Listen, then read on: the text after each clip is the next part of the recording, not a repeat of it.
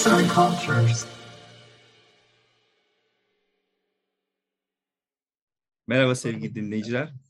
Bugün podcast kanalımızda farklı bir konudan ilerleyeceğiz. Bugün dergi ekibimizle birlikteyiz. Dergi ekibimizle birlikte aslında derginin biraz süreçlerinden bahsedeceğiz. Çünkü şu ana kadar yaklaşık bir yılı dolduruyoruz ve dergi ekibindeki kişilerle tanışmanızı da istiyoruz. Dergi çıkarırken neler yaşıyoruz?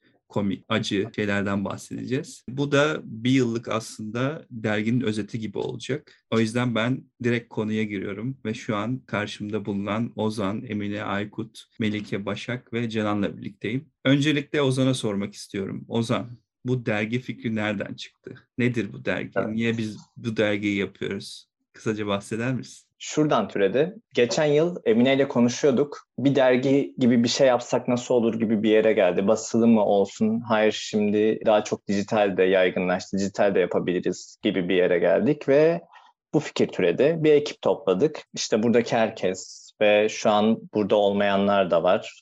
Bazı durumlardan katılamayanlar da var. Ama bu dergi fikri aslında ilk değil Mozart için daha öncesinde de düşünülmüş fakat hayata geçmemiş bir fikir. Aslında böyle çıktı. Sonra ekip içinde konuştuk, fikri geliştirdik. Bu şekilde ilerledi. Başka bir şey söylemek isteyen var mı? Bu demin söylediğin şeye ek olarak daha önceden çıktı dedin ya. Orada belki evet. Aykut'a söz vermek iyi olabilir.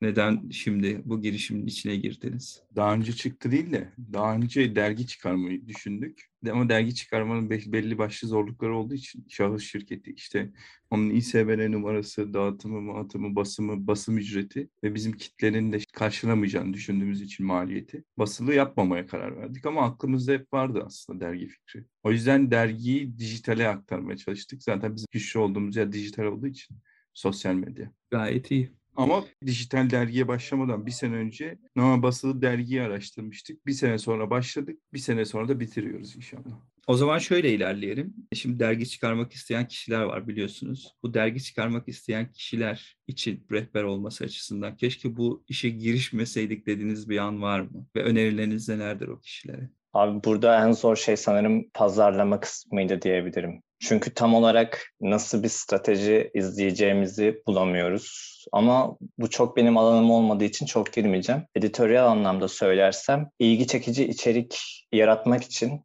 bir kalıp bulmaya çalıştık aslında biz. Yani ne yapabiliriz de bütün oluşturulan içerikler bir yerde ilgi çekici, merak uyandırıcı olabilir. Bu bize en çok zorlayan şeylerden biriydi içerik anlamında. Onun dışında tasarım, pazarlama alanında da çok zorluklar vardı. Mesela tasarım alanındakini belki Aykut cevaplar. Beni en çok zorlayan zaten benim tasarım, sadece tasarıma baktığım için pazarlamaya da bakıyorduk yani hepimiz de tasarımda beni tek zorlayan şey tek başıma yapmaya çalışmam. Hani kapak tasarımı hariç. Derginin komple bütün tasarımını yapmaya çalışınca atıyorum bir başlık geliyor yazılardan. Başlık çok kötü. Hop dönüyorum yazara yazıyorum. Bu başlık niye böyle? Öyle öyle. İşte yazıyla ilgili görsel özellikle görsel eklemelerini gerektiren yerlerde yazarlar eklemediği zaman ben onlara görsel bulmaya çalışıyorum. Ama işte yazıyı yazar yazdığı için ben onun anlatmaya çalıştığı şeyi bilmediğim için doğru düzgün görsel bulamıyorum. O yüzden de dergi aslında sadece benim şey gözümden çıkmış gibi oluyor bir süre sonra. Bu da beni bayağı zorladı ve bazı sayılar 45-50 sayfalık sayılar. Onların ayrı ayrı tek tek hepsinin tasarımını yapmak hem bu açıdan zor hem de tasarım açısından çok zor. Bir de sadece dergi için 3 günde InDesign öğrenmek zorunda kaldım ben. Sen yeni dergi çıkaracak kişilere iletişimin iyi olmasını öneriyorsun. Ekip içi iletişim. Öneririm. Bir de belli alanlar var zaten dergi çıkartırken. işte tasarım, editoryal süreç, kapak tasarımı falan. Onlarda bence kimse tek başına çalışmamalı. Çünkü dergi bir ekip işi. Bir alan sadece bir kişiye kalınca o kişi büyük strese giriyor gerçekten. Soruyla ilgili cevap vermek isteyen başka kişi var mı? Ben de ekip iletişimle ilgili bir şey söyleyecektim tabii ki. Tahmin edebileceğiniz üzere ben Başak bu arada. Ama sen söylediğin için sadece sana katılmakla kalacağım. Olsun bu da bir şeydir. O zaman hazır ekipten bahsetmişken derginin ekibimiz de var. Ve ekibimizde buradaki kişilerin dışında başka kişiler de var. Bu ekip kaç kişilik bir ekip ve nasıl bir tempoda çalışılıyor? Hazır Aykut o konuyu açmışken onunla ilgili de belki de bilgiler de yapmak istersiniz. Biz editör, tasarım, pazarlama, yayın yönetimi vesaire gibi şeylerde sanırım 7 kişiyle falan halletmeye çalışıyoruz işi. Yani biz çoğu dergiye göre çok az kişiyle çok fazla şey yapmaya çalışıyoruz. Yazar ekibimizde de bir 9 kişi falan var sanırım 9-10 kişi. Yanlış olmasın tam sayıyı bilmiyorum ama yazar ekibimiz çünkü süreç içerisinde değişti. Yani birçok kere değişti hatta. Yani giren oldu, çıkan oldu, baştan mülakatta alımlar oldu. Bunları söyleyebilirim. Ama az önce de konusu geçtiği gibi biz çevrim içi şekilde organize olmaya çalıştığımız için çok fazla zorluk yaşıyoruz. Herkesin müsait bir zamanı olmuyor. Ee, ona ayrı ulaşmaya çalışıyorsun. Yazı gelmiyor, yazıyı bekliyorsun çünkü bir yazı bile olmasa o sayıyı bekletmek zorundayız editör süreci aksadı mı otomatikman tasarım süreci aksıyor vesaire bir sürü sorun oluyor. Bunları söyleyebilirim. Ekibimiz de yaklaşık toplamda 16-17 kişi falan sanırım. Tamam. O zaman Emine'ye de söz verelim. Merhaba öncelikle benim ilk konuşum sanırım şu an. Emine ben de. E, kişi sayısını Ozan söyledi zaten. Ben de tempodan bahsedeyim. Aslında biz ilk sayımızı Mayıs ayında çıkarmıştık 2021 yılında ama bunu çıkarmak için aslında Şubat'tan itibaren çalışmalara başlamıştık. Yani ilk sayımız aslında her her ay bir sayı çıkarıyoruz ama ilk sayı çıkarmamız bizim 3 ayı bulmuştu. Çok yoğun bir tempoda çalışmıştık. İşte sürekli Zoom toplantılarına giriyorduk. Tabii pandemi olduğu için herkes de evindeydi o sıralar. Ve girdiğimizde de bir türlü çıkamıyorduk. Yani bir konuyu tamamlıyorduk, başka bir konuda problem yaşıyorduk. Bu yüzden çok yoğun bir tempo gerektirmişti ilk başlarda. Hani böyle yılmadan çalışırsanız aslında sizler de çok rahat bir şekilde çıkarabilirsiniz. Sadece hani böyle çok fazla tempoda çalıştıktan sonra biz zaman sonra artık hani gına geliyor. Neden girdik bu işe gibi e, sorular da soruyoruz kendimize. Ama gün sonunda elimizde bir ürünün olması ve bu aldığımız güzel dönütler gerçekten iyi ki yapmışız dedirtebiliyor bizim için. Yani tempo açısından Ozan'ın da söylediğine katılıyorum aslında. Bir ekip işi olduğu için bir ekibin aksaması diğerlerine de çok büyük zararlar verebiliyor. Bunu oturtmak için çok uğraşmıştık. Hala aslında son sayıdayız ve tam oturtabilmiş değiliz. Bunlar da çok normal. Hepimiz insan olduğumuz için böyle farklı alanlarda eksiklerimiz olabiliyor. Elimizden geldiğince bunları tolere etmeye çalışıyoruz. Yani özetle aslında tempomuz gerçekten çok yerinde ve stabil olarak ilerledi diyebilirim ben de. Benim de aklıma şey geldi sen anlatırken. Şimdi buradaki hiç kimse dergi çıkarmadığı için daha önceden Aykut demin söyledi. Üç günde bir program öğrenmeye çalıştı. İşte Emine bir şeyler öğrenmeye çalıştı. Herkes aslında dergi için ne ihtiyacı varsa onunla ilgili eksik ne varsa onu öğrenmeye çalıştı. Hem ondan dolayı zorluk oldu hem de genel zaten olması gereken zorluklar var. Ama yavaş yavaş düzeliyor birinci yıla doğru bence. Şimdi bir yıl oldu diyoruz ya. Bir yıl içerisinde Ozan demin söyledi ya bazı kişiler ayrılmak durumunda kaldı. Bazıları devam ediyor. Sizi motive eden şey neydi bu dergiyi devam ettirmek sürecindeki? Dışarıdan motivasyon çünkü insanı bir yere kadar götürüyor. O kişiler de aramızda yok. Ama aramızda olan kişilere en azından içeriden motivasyon ne sağlıyor? Ben cevap verebilirim abi buna. Öncelikle heves yani bu alana ilgim olduğu için bu kişisel olarak motivasyonumu sağlıyordu. Diğeri ise ortaya bir şey çıkartmak, yaratım gibi geliyor bana. Hı hı. Bu en büyük motivasyonlarımdan biriydi. Çünkü ortada bir iş var ve bunu biz ortaya çıkartmışız. O kalıcı. Bu en büyük motivasyonlarımdan biriydi. Zaten biz bu işe başlarken de çok maddi kaygı gütmedik. Sadece en başta her zaman söylediğimiz belli bir kitleye ulaşabilmekti. Ben söyleyeceğim hem de Melike'nin de söyleyeceği bir şeyler varmış. Benimki biraz belki çok klişe olacak ama ben ekiple beraber olmayı çok sevdiğim için bu dergi ekibimizle. O yüzden devam edebildim. Hani zorlanmadım desem yalan olur ama kim zorlanmadı ki burada? O yüzden ben güzel bir iş çıkardığımızı bilerek yapmaktan hoşlanıyordum. Bazen yorulsak da. ben de aslında zorlanacağımı bile bile girmek istedim. Çünkü bazen zorlanmak yani benim sizin kadar aktif bir işim yoktu dergi içerisinde. Ben aydan aya kapak çiziyordum şu son geçtiğimiz birkaç ayda. Ama kendi tabii ki belli bir esnekliğim var ama sonuçta bir konu belirleniyor ve bir konu üzerine çiziyorum ya. Bu dar alanda olan esneklik benim hoşuma gidiyordu. Yani verilmiş bir şeyi yaratmak ve bunun için bunun yarattığı baskı bende çok edinmem gereken bir şey gibi gelmişti ve çok keyifle devam ettim. Benim için de böyleydi. Beni devam etmeyi ilerleten şey buydu. Haklı bir şey söyledi bu arada Melike. Çünkü benim en başta dergiden de öte siteye girmem, daha sonra dergi olayı hepsi aslında sorumluluk bilincimi biraz daha geliştirmek içindi. Aykut ne diyor bu konuda? Dergide beni motivasyon eden zaten herkeste olduğu gibi ekip.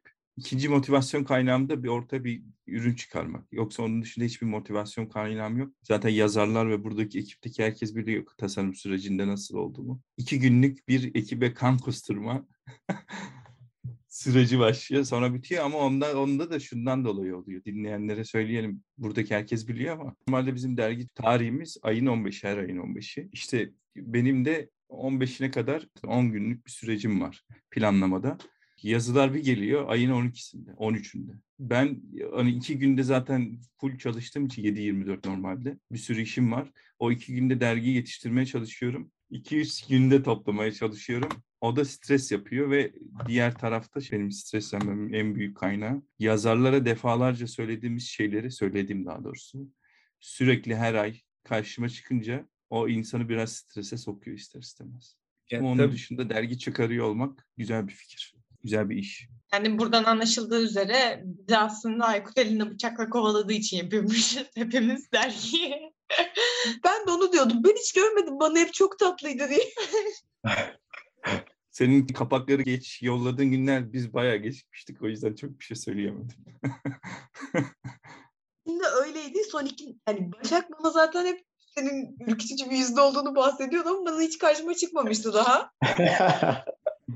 İlkinde çok gecikmişti zaten. Onu ben de farkındayım. O yüzden hiç geç kalmış gibi hissetmedim. Sonuncuda artık şey dedin ya. Ama bugün atman gerekiyor diye. Hiç senin o yüzünü görmemiş olmama rağmen Başak beni o kadar çok korkutmuş ki o gün eve nasıl gelip çizdiğimi ben bilmiyorum. Sonra Saat sabah 5.20. altı olmuş bu arada. Ben bu 5.20'de bilgiyi şey gelmiş. istiyorum. Mail gelmiş. Sabah 5'te mail yapmışım çocuğa. Ben de Rıdvan'a dedim ki Melike, onu da söyleyeyim bari. Ben de Rıdvan'a dedim ki 5.20'de 60 izledim ki bari son güne sıkıştırma da 5.20'ye kadar çizme. son güne bıraktın ya. Bir iki güne işte bıraktın kapağı. Dedim ki bari son güne bırakmasaydın da hani ilk birde falan atsaydın. Beşe kadar uyumamazlık yapmasaydın dedim. Başa kadar uyumayasım varmış. Ona hiç özel değildir gerçekten. burada bir kişinin sorumluluğunu yerine getirmemesi aslında diğerlerinin sorumluluğunu da yerine getirmemesinden dolayı bir stres oluşturuyor ister istemez. Peki Ozan senin ağzından demin bir şey kaçtı. Ücret, mücret kazanmıyoruz. Şöyle oluyor, böyle oluyor. Para düşünmüyoruz. Şu an ben sallıyorum tabii buraları. Bu Kazandığınız ücreti ne yapıyorsunuz arkadaşlar? Bu paraları mezara mı gömeceksiniz? Kim cevap verecek buna? Dergide para kazanıyor muyuz? Kazanıyoruz. Ne kadar kazanıyoruz? Normalde bir ilk başta 7.90 diye düşünmüştük. O zaman Starbucks'taki filtre kahve en küçük boy fiyatın 7.90 olduğunu bildiğimiz için dedik ki insanlar dergi okumak için bir filtre kahve parası verebilir bize. Çünkü bizim de kendimize göre yani Mozart Cultures olarak belli başlı işte giderlerimiz var. Site giderleri gibi işte hosting domain yani takipçilerimize hizmet vermek için aldığımız almak zorunda olduğumuz şeyler var eklentiler, tool'lar var. Onların giderleri var. İlk başta bir 7.90 demiştik. Sağ olsun kimse almak istemedi. İlk sayıda biraz fazlaydık sadece. Çok az. Gene çok az diğer dergilere göre de satış anlamında. Sonra 5 liraya düşürdük. Bayağı da hatta kavga ettik 5 liraya düşürürken. Bir iki kişi çıktı hatta 5 liraya düşürdük diye ekipten. Sonra 5 lira oldu. 5 lira olduktan sonra yine aslında demin dediğim gibi oradan gelen geliri kendi içimizde harcamamız gereken yerlere harcıyoruz. Bir de dergiyi aslında ilk çıkartırken iyi bir ücret kazanırsak öğrencilere burs veririz diye düşünmüştük. Ama baktık ki kendi giderlerimiz ancak, Mozart'ın giderlerini ancak karşılıyor derginin satışı. O yüzden o hedefimizi de gerçekleştiremedik. O kötü oldu. Benim motivasyonum da oydu bu arada bir tanesi.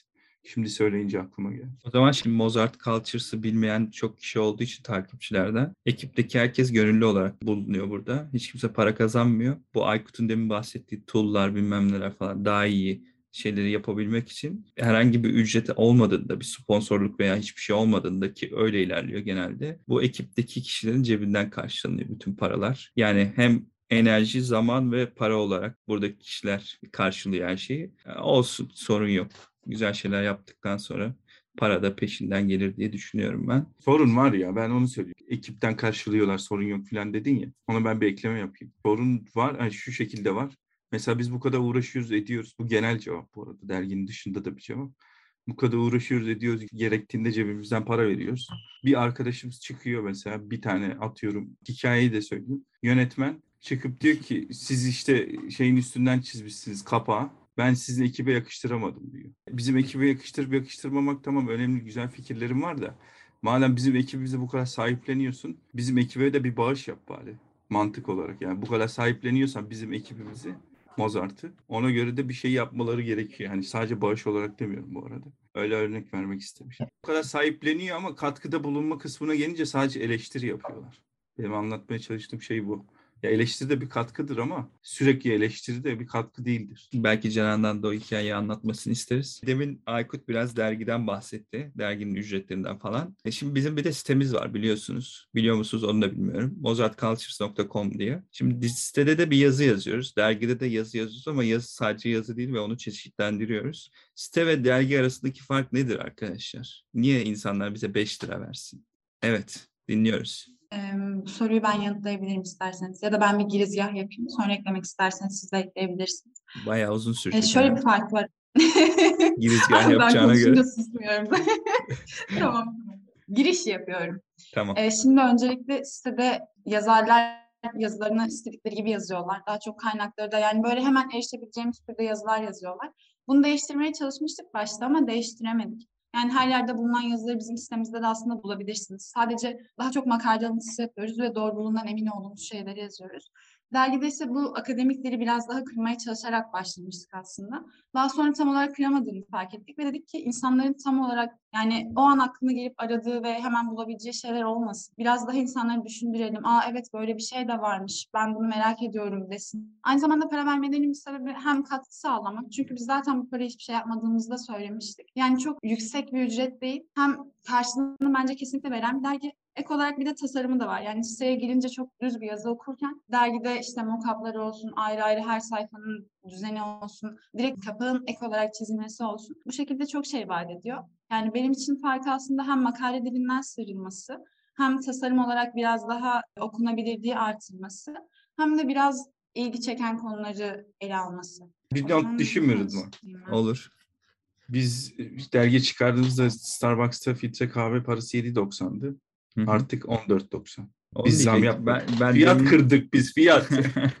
ben de demin onu diyecektim. Millet zam yaparken niye biz düşürmüşüz diye kendi içimden konuştum da neyse. Evet başka kim yorum yapmak istiyor? Bununla ilgili Emine'nin söylediği şeyle alakalı. Bir de yazıları neye göre belirliyoruz? Onu da var. Başak hadi. Yazıları son birkaç aydır konsept seçerek belirliyoruz. Diyoruz ki bu ay derginin konsepti bu olsun. Örneğin Sevgililer Günü gibi Hı hı. ya da işte yılbaşı gibi. Ondan önce de yazarlar kendi konularını seçiyordu ama biz diyorduk ki atıyorum biyografi, sinema, bilim bununla ilgili bir şeyler olsun ve böyle bu alanlarda yazılar yazılsın olarak söylüyorduk. Yazarlar konularını kendi seçiyorlardı ama yine bir alanda seçiyorlardı konularını. Ondan sonra biz tema belirlemeye başladık ve onun üzerine yazılar yazdılar. Bu şekilde. Ya aslında biz kişilere karışmıyoruz. Sadece çerçeveyi belirliyoruz. O çerçeve Aynen. içerisinde kendi Aynen. istedikleri şekilde yazıyorlar. Aynen öyle. Güzel. Başka cevap vermek isteyen var mı? Ozan? Ya Aslında hepsini söylediler çok bir şey yok ama şunu ekleyebilirim. Yazılar öyle bir anda gelmiyor.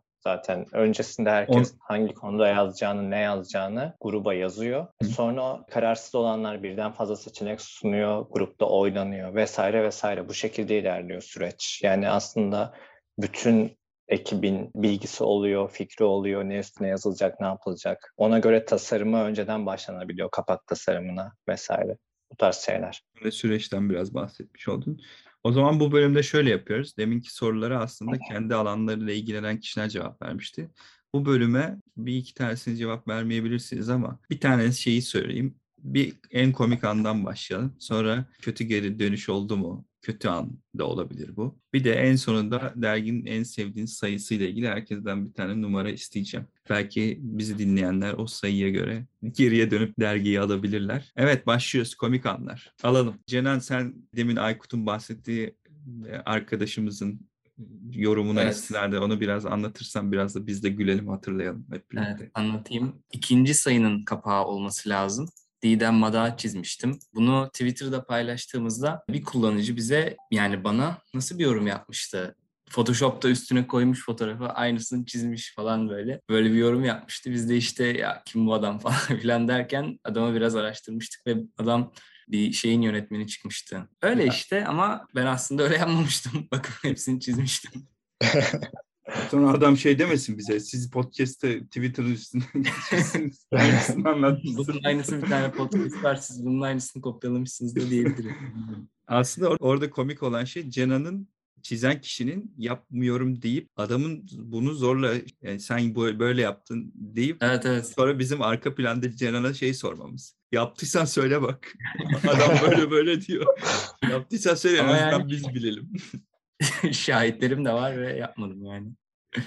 Canan da böylece kendini aklamış oldu ikinci. Kendime evet aklamaya çalıştım bu şekilde. Sonra o çizimden sonra Yani Cena- yersen. değil mi Cana? O çizimden Evet sonra. evet. O çizimden sonra işte aldım dışarıdan. Heh. Bir dergi kapağı daha çizmiştim. Sonra Cenan aldığı işi gitti adama screenshot attı özelden.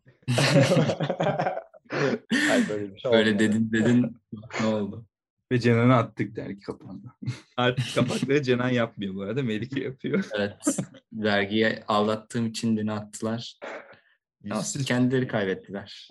Teşekkür ediyorum. Söz meclisten dışarı belki. Tabii ki tabii ki. Neyse biz yorumu yine okuyuculara bırakalım kapakları. Onlar kendileri beğensin, kendileri tercih etsin. O zaman Şimdiden- şöyle yapalım. Melike Bana sen kaçıncı, gelmedi. sana kaçıncı sayıdan sonra verdiler kapağı? Altıncıyı Melike Altı çizdi. galiba. Altı mı Altı. yedi mi bilmiyorum. Mozart. 6 6 Aynen, Mozart. Altı ya da yedi. Altı. Aradaki farkı o zaman e, görenler bakarlar, bir bakarlar, yorum yazarlar. Cenan'a da sallayabilirler. Aynen. Neyse. Ozan demin bir şey anlatıyordu arada. Bizim de Evet, bilmediğimiz şey- bir anısı varmış. Anımız hatta editörler olarak. Yine bütün yazılar gelmiş bir gün. Geceyi sabah ediyoruz. Neyse artık baya zaten gitmişiz. Biraz zor zor edit yapıyoruz artık. Ben de bundan faydalanarak bazı yazıların arasına şarkı sözleri atmaya başladım. Ama diğer arkadaşların haberi yok, editör arkadaşların. İsmail YK'nın bir parçasından alıntı yaptım. Daha sonra Emine okuyordu o ara yazıyı. İşte böyle ara ara birimiz okuyoruz, diğerimiz işte bakıyoruz vesaire. Emine gecenin de vermiş olduğu yorgunlukla hiç fark etmeden işte bombastik vücutla ilgili bir şeyler okumaya başladı. Ve bunu bir süre devam ettirdi fark etmeden. Daha sonra durup bir dakika ben ne okuyorum gibi bir tepki verdi. Bu bayağı o an güldüğümüz bir şeydi. Bence siz de güleceksiniz.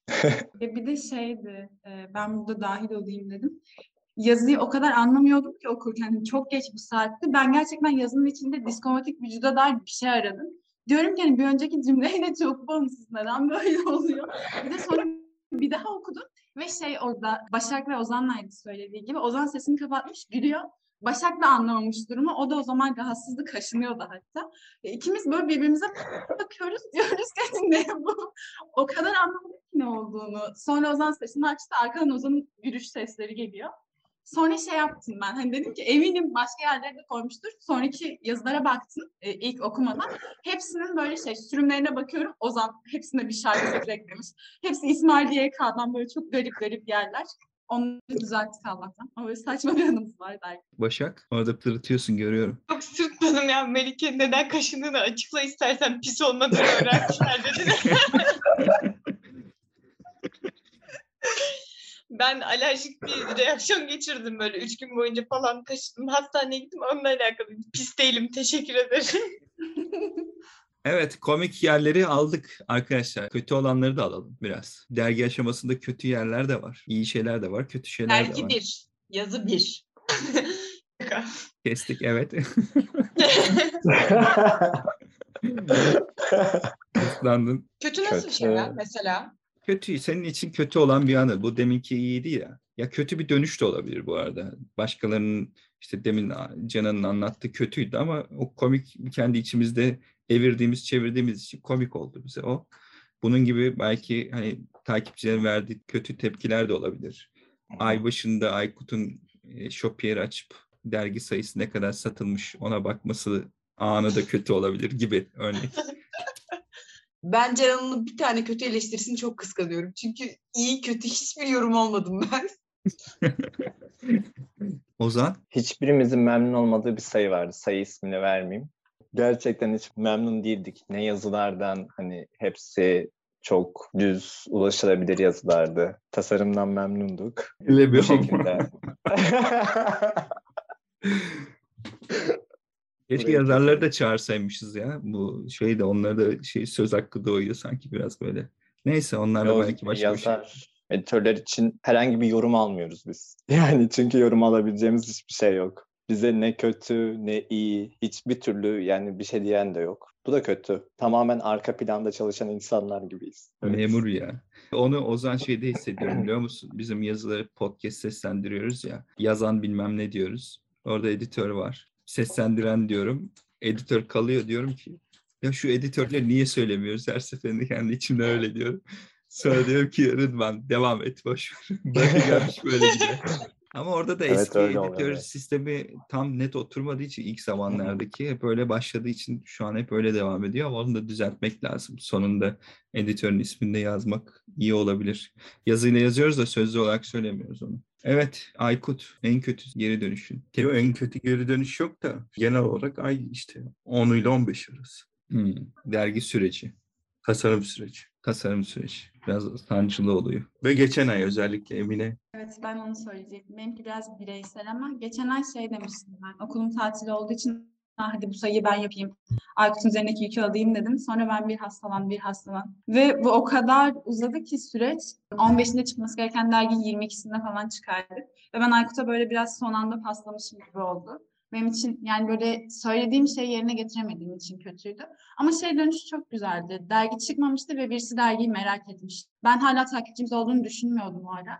Böyle bir dönüş almak güzeldi yani. Kötüyü iyiye çevirdi benim için. Aykut için nasıldır bilemiyorum. O zaman ben de bir tane söyleyeyim. Ben de genelde derginin podcast kısmı var. Ekolojiyle ilgili bir kısım. Ekolojiyle ilgili dergide profesyonel kişiler olmadığı için dışarıdaki aslında bilen kişilerle podcast yapıyoruz. Ya bunların içerisinde WWF var, Greenpeace var, Change.org ile yapacağız 2-3 gün sonra. Onu da dinlemenizi tavsiye ederim. Buğday Derneği, Doğa Derneği gibi bu tarz kurumlarla yapıyoruz. Kurumlarla yaptığımız için kurumları tabii ki de ikna etmemiz gerekiyor. Hani dergiyi iyi anlatabilmemiz gerekiyor. Kendimizi iyi ifade edebilmemiz gerekiyor. O yüzden onları kendimizi anlatma aşamasında ve hani onlardan gelecek e, mailleri bekleme aşamasında biraz strese giriyorum. Çünkü her sayıda her ay bir tane bir bölüm podcast yapmamız gerekiyor. Yani zorunlu değil ama o da benim kendi sorumluluk aldığım bir alan. Ekoloji alanıyla ilgili de eğer bizi dinleyenler içerisindeki onlar dinliyor biliyorum. Kurumlar podcast yapmak isterlerse dergiye yazabilirler ya da Mozart Cultures'a yazabilirler direkt. Doğanlar falan diyordun ya sordun ben ona bir şey demedim. Bazı e, aboneler veya takipçiler özelden mesela dergiyle ilgili iyi niyet şeyleri yazıları yazıyorlar. Böyle ayda bir iki kişi çıkıyor. Onlar mesela gerçekten motivasyonumuzu arttırıyor bizim. Ya benim arttırıyor en azından. Bazıları şey YouTube'da da mesela görüyorum. Özellikle bizim film incelemelerini o dinliyorlar. Onunla ilgili mesela uzun uzun düzgün bir şekilde eleştiri yazıyorlar. Onlar da çok iyi oluyor. Ya öyle o tarz şeyler bizim motivasyonumuzu arttırıyor ve etkileşimde olduğumuzu da görüyoruz. İyi alındığımızı görüyoruz. Ha, kısacası eleştiriye açığız ama eleştiri de eleştiri yapan kişinin de eleştiri düzgün yapması gerekiyor. Aslında demin de söylemiştin sen onu. Hmm. Önemli ya çünkü burada söyledik yani para kazanmıyoruz, bir şey kazanmıyoruz. Bildiğimiz ya da bilmediğimiz şeyleri ortaya koymaya çalışıyoruz. Sonra biri bunu bilmeyip, bu sadece burada da değil tabii ki de, bilmeyip bizim buradaki bir şeyle ilgili bir yorum yapıyor. Hiç bakmadan, etmeden, ciddiye almadan. Yani ciddiye alıp yorum yapan kişilere saygımız var. Ciddiye almadan yorum yapıyor ama buradaki bu tarafta o kişinin yaptığı yorumu ciddiye alan kişi hayal kırıklığına uğrayabiliyor. Bu şekilde diğer ekipte de yazarlardan hayal kırıklığına uğrayan çok kişi var. O yüzden eleştiri yapın ama eleştiri yaparken de dikkatli olun diyorum ben takipçilere. Evet, en sevdiğiniz sayı hangisidir? Geldik son soruya. Ben şimdi baktım. Benim en sevdiğim sayı 8. sayı Aralık sayısıydı ve ilk defa bir konsept temalı dergi çıkarmıştık. Ve bunun için yani normalde içindekileri de fix diyoruz ama içindekileri bir de değiştirmiştik ve ben mock-up'larını yaparken, mock-up'ını ben yapmadım pardon. Kapağını ve e, içindekileri yaparken gerçekten çok eğlenmiştim. Hem yazı stili olarak da yani yılbaşı ile ilgili bilmediğim çok fazla şey öğrenmiştim. Hem de böyle bir konudan çok fazla yazı çıkarılabileceğinin örneğini de görmüş olmamız güzel olmuştu benim açımdan. O zaman ben de söyleyeyim. Ben de aslında yılbaşı sayısını beğenmiştim. Hem içindeki içerikler bakımından hem de yılbaşına özel bir şey olduğu için yani konsept olduğu için gerçekten Emine'nin dediğine de katılıyorum. Sonrasında zaten o konsept olayına biraz geçtik. İkisi için aslında kapak da çok hoştu. Kapağı da çok beğenmiştim ben. Kapak fikri, kapağı tasarlama, işte Melike sağ olsun iyi çizmişti. Hepsini topladığımda benim de yılbaşı sayısı oluyor. Evet Melike söz sende. Senin hangisi en çok sevdiğin? Yaparken en çok eğlendiğim sanırım Mozart'tı hani kapak açısından ama en keyifli sayı yine ben de yılbaşı sayısı demek durumundayım. Çünkü Niye? bu konsept içi ya ben öncekilerde de çok aşina değildim. Sonradan sonra yakalamaya çalışıyordum ama konsept dahilinde toplanmak bence de derginin okunurluğunu daha keyifli hale getiriyordu. E, ama o kapakla ilgili bir şey söylemek istiyorum. Evet Ben alalım tam itirafı. bitmemiş bir halini Aykut'a attığımda bana Gulyabani filmindeki Gulyabani'ye benzediğini söylemişti ve ben bunu aşamıyorum. Teşekkür ederim. Peki benzemiyor mu? Soralım. Benzemiyordu ya o kadar da değil sen O kadar benziyor ki çok rahatsızım. Benziyor? Benziyordu ya. Evet. Benziyor. Evet. Ben görmemişim demek ki o halini. Yok benziyordu. Evet Başak. Benim en sevdiğim sayı yani kapak olarak 11. sayımız. Son sayımız. Hı hı. Git bakın linki bir yerde vardır. Ama heyecanı çok yüksek olduğu için ilk sayımızı çok seviyorum. Çünkü herkes çok heyecanlıydı, çok motiveydi. Yani herkesin aklı sürekli dergideydi işte hani onu nasıl yapsak, bunu böyle yapsak ve geri dönüşleri ilk ay çok iyi gelmişti. O yüzden çok heyecanlanarak devam etmiştik. Bu sebeple ben birinci sayı demek istiyorum. Ozan. Abi benim dokuzuncu sayı sanırım ya. Niye? Dokuzuncu sayı. Türklerin Cadılar Bayramı olayını. Ee, Bocuk Gecesi diye bir sayı vardı kapakta. Evet. Doğru. Onun hem kapağını çok e, beğenmiştim. Cihan Mürteza ile röportaj vardı. Bayağı bir şey O, o yapmışız sayı ya. sanırım.